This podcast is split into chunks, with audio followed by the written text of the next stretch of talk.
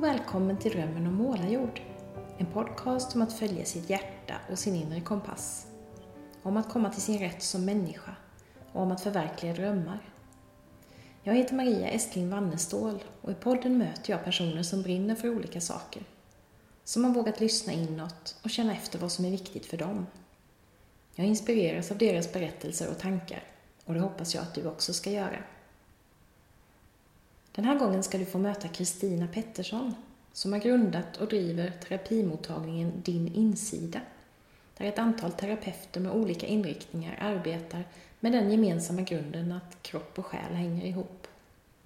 Bland annat används dansterapi som en behandlingsform. Din insida arbetar också med terapi på distans. Om hur det kan gå till ska du få höra i vårt samtal som spelades in i Gamla stan i Stockholm i november 2016. Välkommen!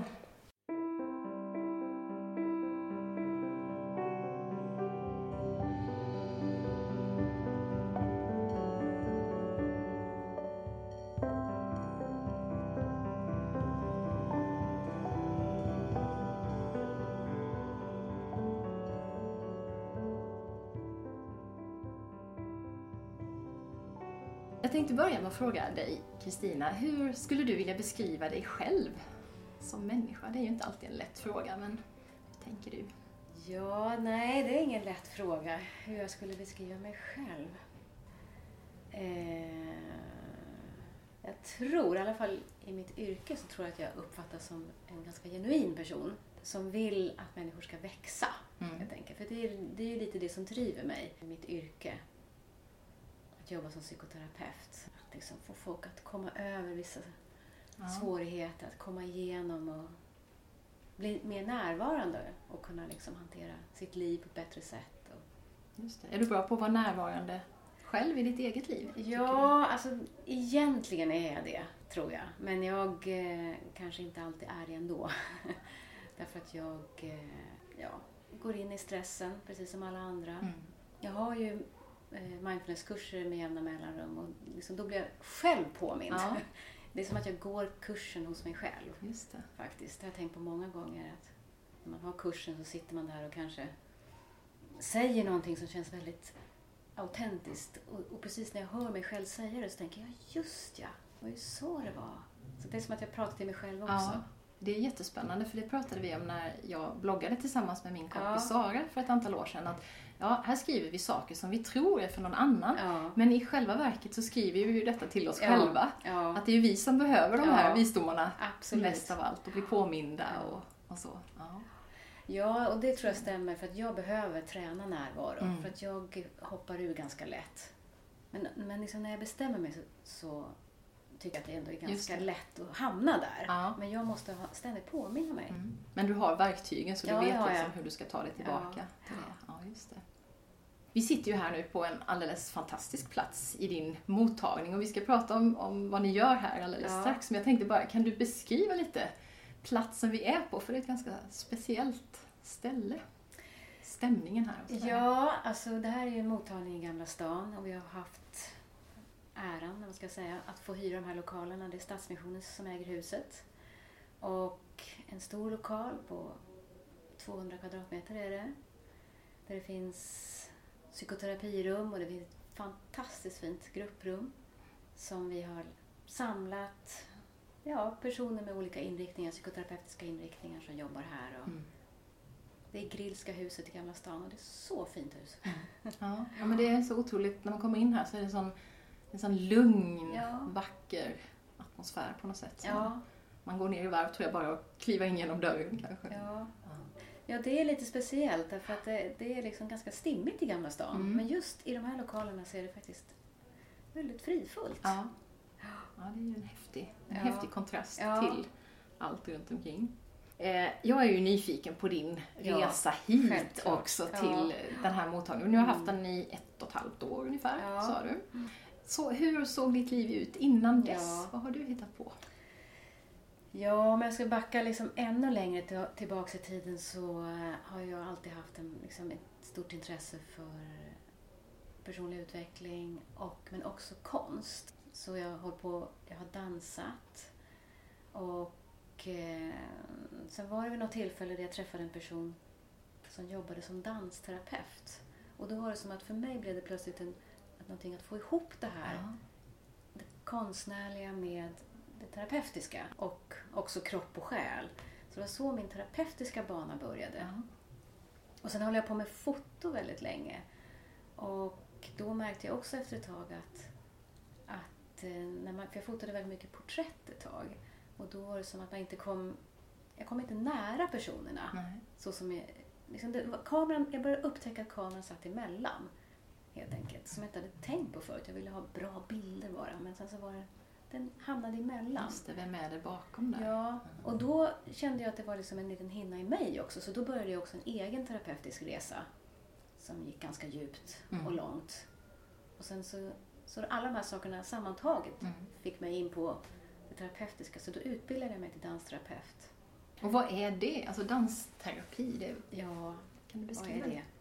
Förenklat kan man säga att det handlar om att få kropp och själ i balans. Mm. kan man säga. Men man har, man har mer den kreativa processen, konstnärliga uttrycket, som ett sätt att hitta sin egen sätt att kanske hantera och lösa problem. Ja. Så att man skapar i stunden med rörelsen. Ja. Det är inte detsamma som frigörande dans. Nej, just det, för det har jag provat Ja. på några gånger. Dansterapi har frigörande moment. Liksom, som det, är, det är en teknik inom dansterapi kan man säga. Mm. Men sen så är det ganska mycket liksom att man eh, faktiskt noterar liksom, vad är det för rörelser man alltid använder. Liksom, hur känns det om man lägger till det här eller lägger till det här och plötsligt så kanske man känner att det känns lite annorlunda i kroppen. Så man undersöker och utforskar på ett annat sätt. Just det. Gör man det eh, individuellt då, eller är man i en grupp? Eller finns Både det båda delarna? Ja.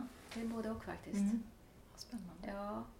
Har du varit egenföretagare eller har du varit anställd? Eller hur har det Jag jobbade inom psykiatrin ganska länge Mm. och eh, med dansterapi bland annat. Men sen så har jag utbildat mig till psykoterapeut, traditionell väg också.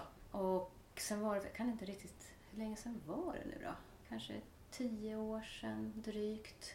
Jag har haft enskild firma vid sidan av, så jag har Mm. jobbat någon kväll i veckan. Men sen så för kanske tio år sedan så, ja, den här längtan att få ihop det ännu mer Mm. det konstnärliga, det terapeutiska, även det här kanske själsliga Ja. faktiskt. En viss andlig aspekt utan att Mm. betona det för mycket så att säga. Men att det måste få finnas med. Helheten. Det gjorde att jag ännu mer kände att jag vill vara min egen. Mm. Och då startade jag en annan mottagning tillsammans med en kollega eh, som, het, som heter Stockholms psykoterapimottagning. Och eh, så har- var jag där ett antal år och sen så blev den här visionen ännu starkare. Då, då blev det, och det var också det jag fick mycket stöd av Björn Granberg Mm. som är min vän här.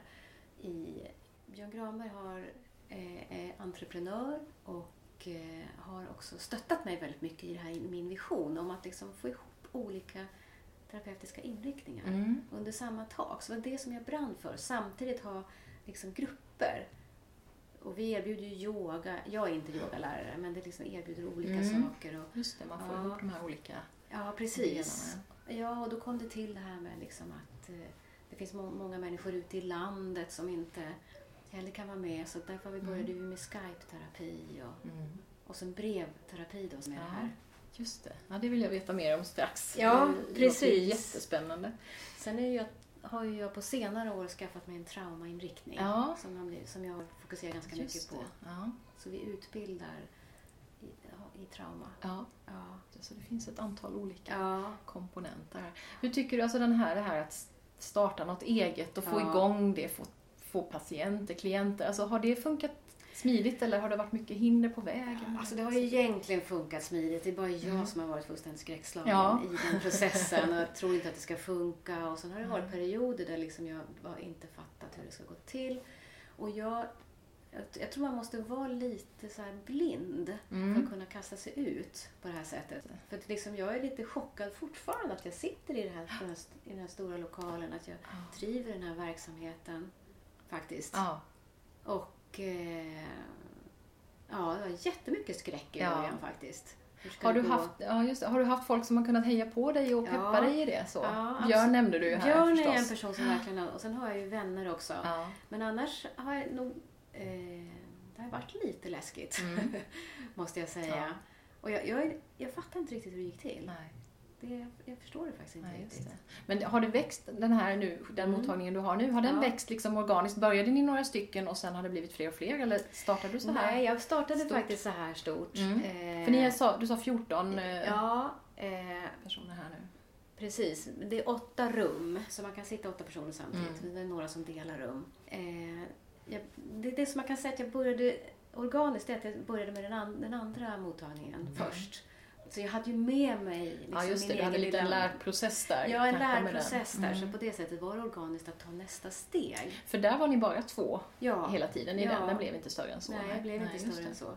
Och, eh, och sen så kom det till den här punkten där jag Mm. ville ha liksom ännu mer. Ja. Jag ville göra en förändring Ja. framförallt. Och få in liksom lite mer blandat. ja, just det. Få in de här olika Ja, komponenterna. rörelse och föreläsning. Alltså Ja. massa olika saker Ja, just samma tak. För det är en väldigt levande grupp människor som Ja. jobbar här också. Trivs väldigt bra tillsammans. Ja, det är ju en otroligt Ja. viktig förutsättning om någonting sånt här ska fungera, Ja. tänker jag. Att, att det är människor man Ja.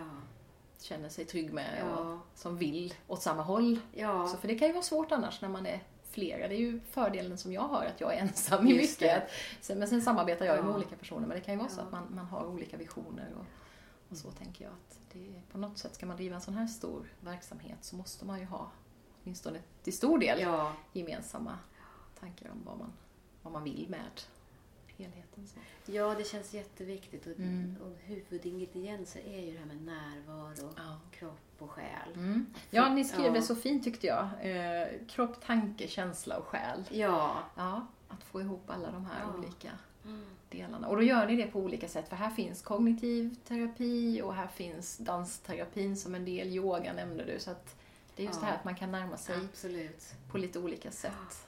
Tanken är liksom att det ska präglas av att, Mm. eh, ett, att man alla har en, en kroppslig förankring. Ja, Så att man just liksom har verkligen... Så det, de, de flesta, många av oss har en, en kroppspsykoterapeutisk bakgrund. Kan du berätta om, för det är kanske inte alla som vet riktigt vad, vad är Ja, då, för mig är dansterapi Ja, den är en sån. Det kallar Ja. jag för en kropps... Precis. Ja, det Just behöver inte vara någon speciell... Jag menar bara att man, man har Mm. man liksom Den finns medveten liksom med. om medveten om att det känns i kroppen. Mm. För att det, det är liksom inte pratterapi i vanlig bemärkelse Nej. här. Nej, för vi är, ju- vi är så Ja. vana vid att liksom Ja. separera kropp Ja. och själ och, och jag tror ju jättemycket på samverkan Ja. där också. Så att det känns så naturligt att, Ja. att jobba på det sättet.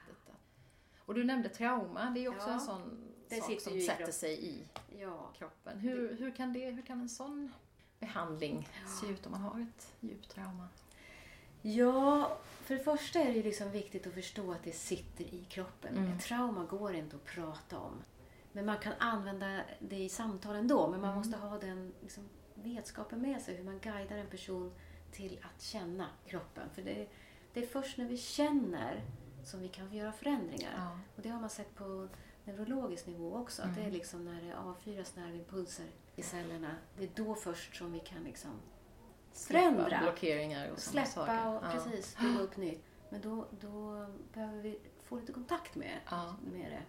För man kan ha så mycket klok förståelse. Man kan sitta och prata om sitt trauma och det här beror på det här och det Mm. här. Och jag förstår det här och det här. Och, men sen är man ute i vardagen och så händer någonting som påminner om det där. Så är man. Ja, tillbaks. precis. Då har man förstått det intellektuellt Ja. men man har liksom inte satt det i hela systemet. Så. Och jag är väldigt inspirerad av en kvinna som heter Peggy Pace som jobbar med en metod som heter Lifespan Integration. Ja. som har blivit en av de, eh, en av de arbetssätt som jag använder mest. Allra, allra mest Mm. faktiskt. För hon, hon började just tänka på det här med att eh, om man hamnar i ett gammalt sår, så att säga, när man är Mm. ute i vardagen, att man liksom blir påmind om något gammalt, då kanske man inte blir mer än fem år gammal. Nej. Och då, då funkar inte en, en verktygslåda med massa kognitiva verktyg. Därför att man har inte den, som femåring förstår man dem Nej. inte. Så man behöver exponeras för det här gamla. Ja. Just det. Möta det som femåring och Ja. inte som 45-åring Nej. då. Nej. Exakt. Nej. Men ta den här femåringen. Låta femåringen få möta femåringen, man ska Mm, säga. mm. Och sen så ta den genom, genom livet Ja. upp till man är 45. Ja, just det. Så det är det som Lifespan går ut på. Ja. Att man liksom tar personen tar genom tiden. Helhetsperspektiv. Man lägger också. minnena på plats. Att det som hände för fem år när man var fem år faktiskt hände Ja. när man var fem år. Ja. Det händer inte längre. Nej. Just det. Ja, det finns jättebra sätt, arbetssätt med det. Ja, ja, jättespännande. Ja. Ni skriver ju också, vi finns för att stärka din naturliga förmåga att utvecklas. ja. Och det har alla en sån. Tänker du att alla människor har en, en förmåga att utvecklas? Det finns Ja. liksom, det gäller bara att hitta nycklarna. Ja. Det, det är jag helt övertygad om. Helt övertygad om. Det är ju en väldigt hoppfull inställning till livet på något sätt. Att, att tro att det, det finns möjlighet för alla. Och är, alltså, man pratar ju om liksom det här, man har människor som säger nej men terapi det är ingenting för mig. Mm. Möter du sådana människor som, som, liksom, som kommer hit lite motvilligt och egentligen inte riktigt vill eller hur? Alltså är man lite motvillig då, då söker man sig inte riktigt Nej. till terapi faktiskt. Nej. Men visst, ibland kommer det ju man, det, det är någon som tycker, någon annan som tycker att Jag tänker att gå. En mamma skickar hit sitt Ja, barn till exempel. ja. Eh, Eller så. Ja, och då kan det ju behövas lite extra tid Mm, faktiskt. mm. För att personen måste också vilja Ja. lite grann. Det, alltså ett exempel man kan säga som gör också att man inte vill ibland gå i terapi. Det ju, kan ju vara att man faktiskt har varit med om någonting jobbigt, att man, har, man är i en Mm. kris. Man, och man vill inte ta in att det har hänt. För att då, då, när man är i terapin då är man ju tvungen att möta det Just det. svåra. Och då blir det ju liksom känslomässigt lite jobbigare Mm. kanske en period. När man måste liksom... Måste över den där Ja, tröskeln liksom för att... och vill man inte gå in i den, då skjuter man ifrån sig Ja. och då, ja, då blir allting mycket jobbigare. Mm, Ja. såklart. Ja. Ni håller ju på då med, som du nämnde, Skype-terapi och brevterapi och det här är ju jättespännande och man hör lite talas om det ibland sådär men jag skulle vilja veta mer om hur Ja. går det till så här när du har en Skype-klient Ja. då till exempel? Ja, eh, personligen har jag inte haft jättemycket just via Nej, Skype, men nej. jag jobbar en del med Skype. men- Mm. Men vi erbjuder det. Ja. Eh, ja, man bokar en tid precis som vanligt. Man kopplar upp sig.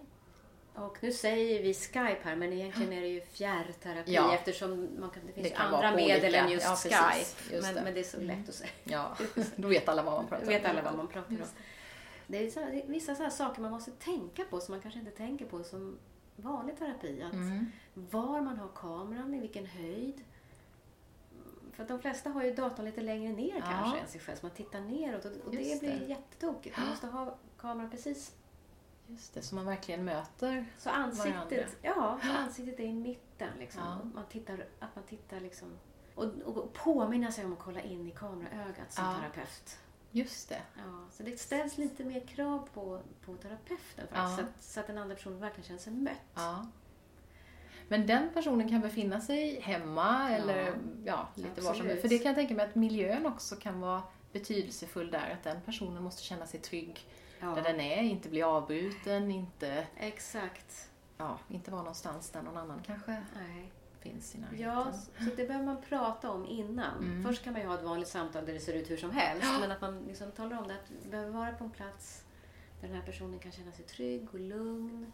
Just Och en det. stol som den kan sitta i Ja. Asken med pappersnäsduk tänker Ja. jag på då. Den får man ordna själv då. Ja, det får man ordna själv. Men det är faktiskt en sån där grej som uppstår ibland. Ja, Och det är klart det de gör. Liksom, men annars tycker jag att Skype-terapi Det funkar bra, ja. Ja. Just det. Man behöver bara liksom tänka om lite Ja. grann. Och det är ju det här att kunna få erbjuda liksom De som inte kan ta Ja. sig till Gamla stan men ändå Ja, kunna få ta del av det här. utlandssvenskar hör ju av sig. Ja, jag tycker det är väldigt, Ja. det är väldigt, eh, det känns också hoppfullt Ja. liksom att det finns möjligheter att, att lösa sånt här. Ja, Trots att man kanske inte alltid har den geografiska tillgången nej. till det. Och så brevterapi Ja, då, då ja. skriver man till varandra alltså. Ja, det, det, det är ju en väldigt spännande terapiform. Och ja, alltså man, det, det är som ett terapisamtal. För att det tar ungefär lika mycket tid, för, eh, kanske mer till och med. Ja. Så det är liksom, för man måste svara och skriva och tänka igenom. Och det som är, det, en av de fina sakerna med brevterapi, det är ju liksom, tycker jag, det är att man har hela terapin kvar. Ja, Man har precis. sin Man kan gå brevväxling. tillbaka sen ja. Ja, det här liksom är skrivet. Det här har vi pratat om. Mm. Hur var det egentligen hon menade? Går man tillbaka och tittar. Det finns något fint med att ha hela liksom, den berättelsen. Men det här gör ju att man som terapeut måste vara oerhört noggrann med hur man Vad skriver. man skriver ja. Ja, Visst. så att det verkligen liksom landar. Ja. Och sen så är det inte brevterapi är inte frågor och svar. Nej. Utan det är en terapi. Så att man bygger upp en relation med brevterapeuten precis som man gör med en vanlig Mm. psykoterapeut. Ja.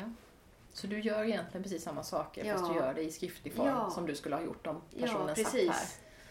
Precis. Ja. Sen kanske det blir lite mer svar på ett sätt eftersom Mm. det blir så svårt att lämna för många Mm. lösa trådar Mm.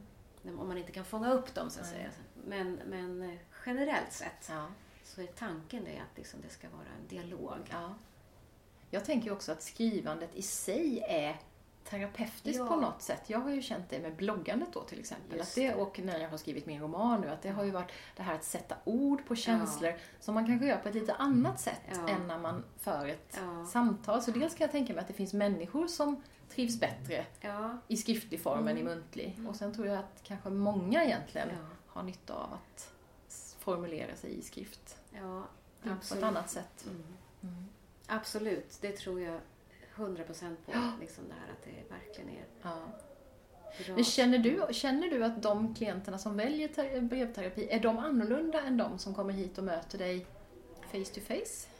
Eh, nu är det inte jag som jobbar just Nej. med brevterapi, Okej. men, Nej. men det, eh, det man, som, vi har, som vi tror är liksom, kanske är personer som har behov av lite mer eftertänksamhet. Mm.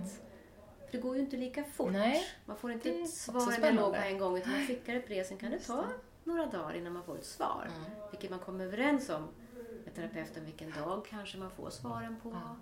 Så att det blir som en gång i veckan, en Ja. process så här. Ja. Men man skriver med papper och penna i vanliga brev eller skriver man e-post? man skriver e-post faktiskt. Ja, just det. Men vi tar ju naturligtvis emot Om någon skulle vilja om någon skulle vilja göra det göra det Men eh, vi har ett krypter, speciellt krypterings... Ja. Just det, för det är klart det finns ju Ja. sekretessaspekter i det också. Mm. Ja, jag tycker det är, jätte, det är så spännande med liksom nya vägar inom någonting som ju har funnits i så Ja. många år men Mm. att man hittar nya sätt och Ja. att man kan använda tekniken och, ja. och så. Det, det är jätte... Och vi läste ju på mycket Roligt. innan. Liksom, Mm. I England har de kommit ganska långt Okej. med just brevterapi Ja. faktiskt. Och sett fördelarna verkligen Ja. liksom, med det. Så Ja. att, Ja, vad roligt. Vad tycker du är det allra bästa med ditt jobb och det här livet med egen mottagning? Så. det är ju någonting med både Alltså jobbet är en sak som gör mig jätteglad. För jag har träffat så Mm. många otroligt olika människor. Ja. Alla samhällsskikt, alla yrkeskategorier. Så jag träffar ju folk liksom så brett. Mm. Det tycker jag är jättespännande. Sen tycker jag väldigt mycket om att och liksom ha mitt eget företag faktiskt. Ja. Det är för att jag gjorde ju samma jobb inom psykiatrin och det Mm. var också kul men det var mycket slitigare. ja. Det här blir friare för mig. Och, det. eh, och Sätta dina ramar för sätta hur det ska gå till. Ja, jag sätter mina ramar och eh, hitta den här fantastiska platsen och de här Mm. fanta- fantastiska kollegorna jag har. Det är roligt Mm. att gå till jobbet Mm. för mig. Ja, Men det, det var ju som när jag sa upp mig så sa ju många då att "Ja, men kommer du inte sakna dina kollegor? Jo, det kan jag göra som människor. Men jag har ju Ja. möjlighet att skapa mina egna kollegor nu Ja. för jag kan göra samarbeten med vissa människor. Jag har skapat grupper, nätverksgrupper och då blir det ju ännu mer liksom de människorna som jag Ja. verkligen, jag menar på en arbetsplats så blir du ju ändå ihoptotad med Ja. folk som du inte har valt att umgås med och det kan ju Ja. bli jättebra men det kan ju också vara människor som man inte alls fungerar bra ihop med och då kan ju det bidra till Mm. Eh, Alltså jag har ju haft arbetsplatser där jag inte tyckt om att gå till jobbet på Ja. grund av människorna som har funnits där. Och då tänker jag att det blir ju en helt annan sak när man, Mm. när man styr över det själv Mm. på det sättet. Att, ja, man får sin lilla Ja. klick av människor som ger en energi. Och, Ja. Jo, och men det, Ja. det är verkligen sant. Ja. Att man väljer sina samarbeten. Ja. Mm.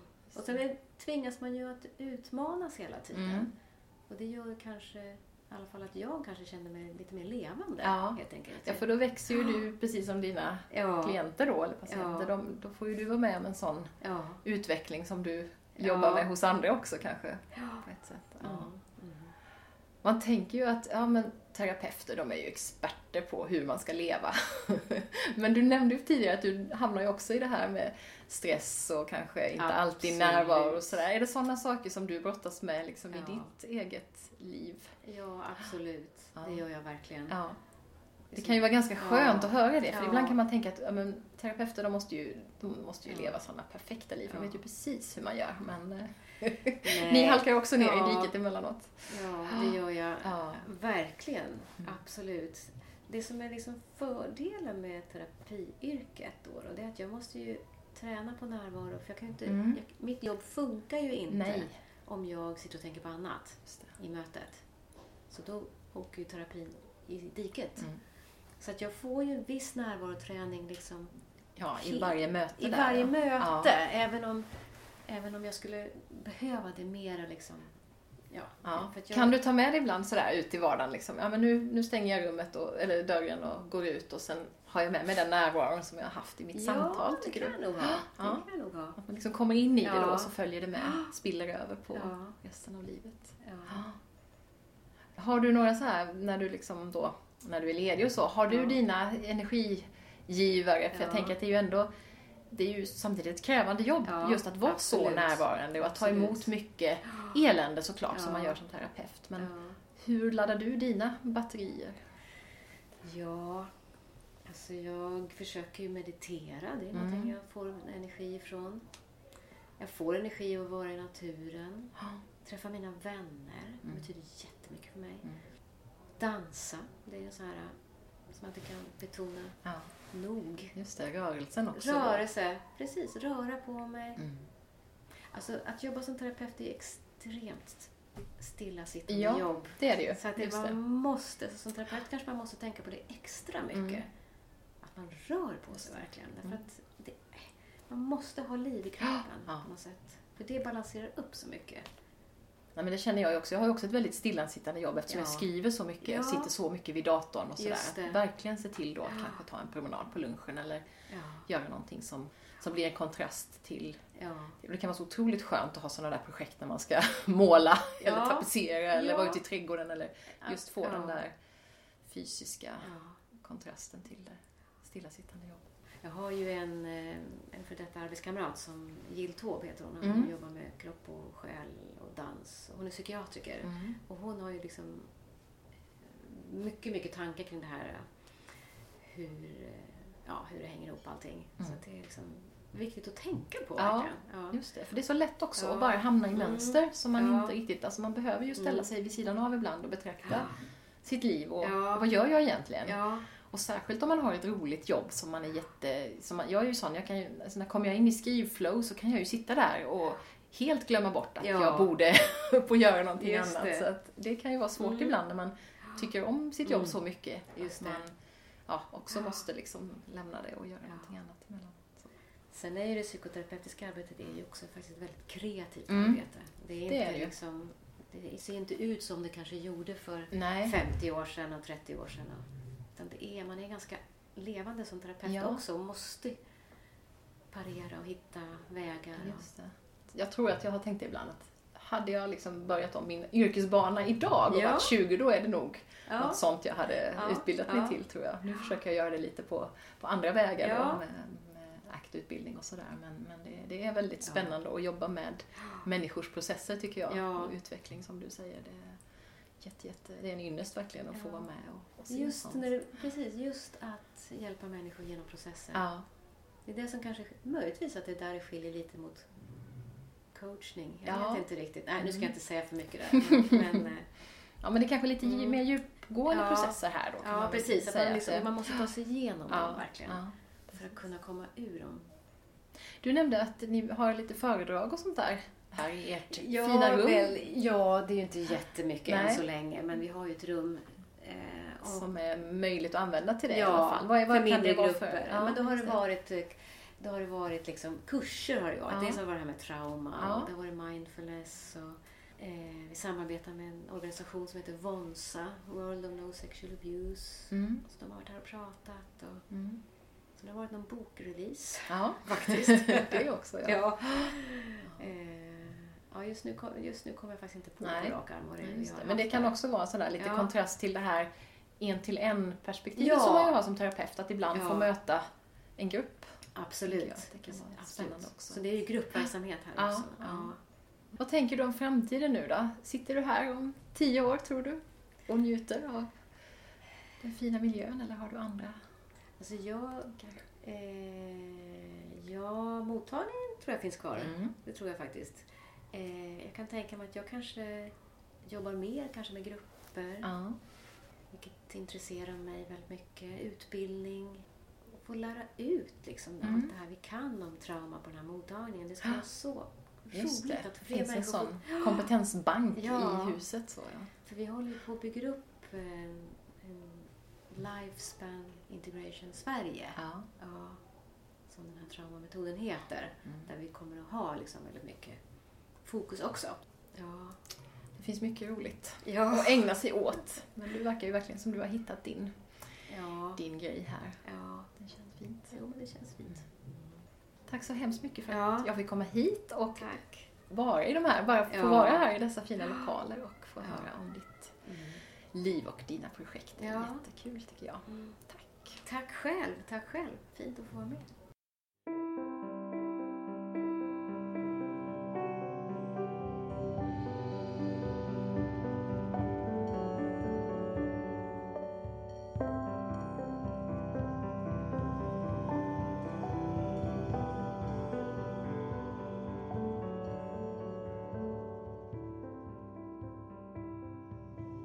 Kanske har du som lyssnar funderingar på att prova någon form av terapi. Du hittar Kristina Petterssons mottagning på www.dininsida.se. Och som du hörde i programmet behöver man inte bo i Stockholm för att kunna få hjälp av Kristina och hennes kollegor, eftersom de också ger terapi via internet eller brev. Under hösten och vintern har jag själv testat att använda Skype för att prata med några klienter i ett kort mentorsprogram som jag kommer att sätta igång lite längre fram. Jag är ju inte terapeut och kommer inte alls att jobba med sådana djupa frågeställningar som Kristina och hennes kollegor gör i sin verksamhet. Däremot har jag insett att den resa jag själv har gjort mot ett liv levt mer efter min egen inre kompass och mindre utifrån andras förväntningar och i kombination med min utbildning inom ACT, Acceptance and Commitment Training, det är någonting som kan hjälpa andra människor att utvecklas och komma mer till sin rätt. Som mentor kan jag, till skillnad från terapeuter och coacher som aldrig blandar in sitt eget liv i sina patienters eller klienters, dra nytta av mina erfarenheter. En av mina testpiloter uttryckte faktiskt att hon, som också testat att gå till en coach, faktiskt tyckte att det blev lättare att prata om sig själv och sitt eget liv, just för att jag berättade om mitt liv. Hon sa också att det hade känts som att tröskeln att börja prata med mig var lägre än vad hon varit med om i tidigare kontakter eftersom hon efter att ha lyssnat på min podd kände det lite som om hon kände mig. Jag hoppas att jag ska kunna bidra till fler poddlyssnares och andras utveckling. Att få vara en liten, liten pusselbit på någons väg mot högre livskvalitet, ja, det är en fantastisk förmån. Kristina och jag pratade ju en del om mindfulness, eller medveten närvaro som vi säger på svenska. Och om hur svårt det kan vara, till och med om man är utbildad mindfulnessinstruktör som Kristina. Och samtidigt så underlättar det förstås att ha verktygen och därmed kanske också lättare kunna upptäcka när man tappar sin närvaro och behöver ta sig tillbaka. Jag tror ju också starkt på det där med att det smittar av sig.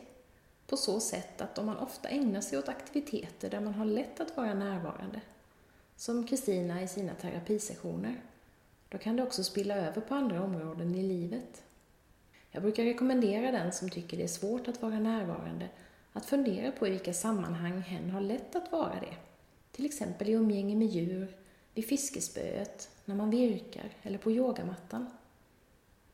Och så kan man kanske försöka göra mer av den typen av aktiviteter för att den där närvaron liksom ska få lite större utrymme i livet och i bästa fall spilla över på andra områden. Jag gick min första mindfulnesskurs för säkert tio år sedan, kanske mer. Och sedan dess har det här begreppet kommit igen på många sätt i mitt liv. Inte minst när jag utbildade mig i ACT, där medveten närvaro är en viktig komponent. Om du har lyssnat på avsnitt 41, där jag och min vän och kollega Sara pratar om vårt bokslut för 2016 och våra visioner inför 2017, ja, då minns du kanske att det ord jag valt för det kommande året är just närvaro. Jag har under en tid funderat på om jag skulle gå en utbildning till mindfulnessinstruktör. Men så dök det upp en fin liten onlinekurs som en god vän och meditationslärare tipsade om. Hon hade själv gått den. Så nu är jag i full gång med The Power of Awareness med Tara Brack och Jack Cornfield. Med kursen fördjupar jag mina teoretiska kunskaper om mindfulness och meditation och får samtidigt massor av praktisk träning eftersom jag har i uppgift att meditera minst 20 minuter varje dag. Det är en alldeles fantastisk kurs som jag verkligen rekommenderar och det kommer att komma nya kursstarter framöver. Något som gjorde mig glad redan i en av de första lektionerna var när en av kursledarna påminde mig om att mindfulness handlar om att vara närvarande i livet just så som det är. Alltså inte att bara sitta på en kudde och meditera hela dagarna. Det var just därför jag valde ordet närvaro som mitt ledord, trots att jag från början hade tänkt välja ordet stillhet. Jo, jag behöver stillhet i mitt liv. Jag behöver min meditation. Men jag tycker också väldigt mycket om när tempot är högt. Och det är okej. Det jag vill är att hitta mer närvaro. Oavsett om jag är i full fart eller sitter stilla på min kudde. Inte tänka att jag borde meditera när jag är i farten. Eller att jag borde göra något annat när jag väljer att meditera. Skala bort en del dåligt samvete alltså. Där har jag fortfarande lite att jobba på. Nu ska jag avrunda här, men först vill jag påminna dig om att gärna tipsa vänner och bekanta om drömmen om målarjord. Be dem till exempel att gå in och gilla poddens Facebook-sida, så får de information om alla nya avsnitt. Och nu är jag i full gång med att spela in samtal, så det kommer att dyka upp massor av intressanta gäster här framöver. Tack för att du har lyssnat och varmt välkommen tillbaka. Hejdå!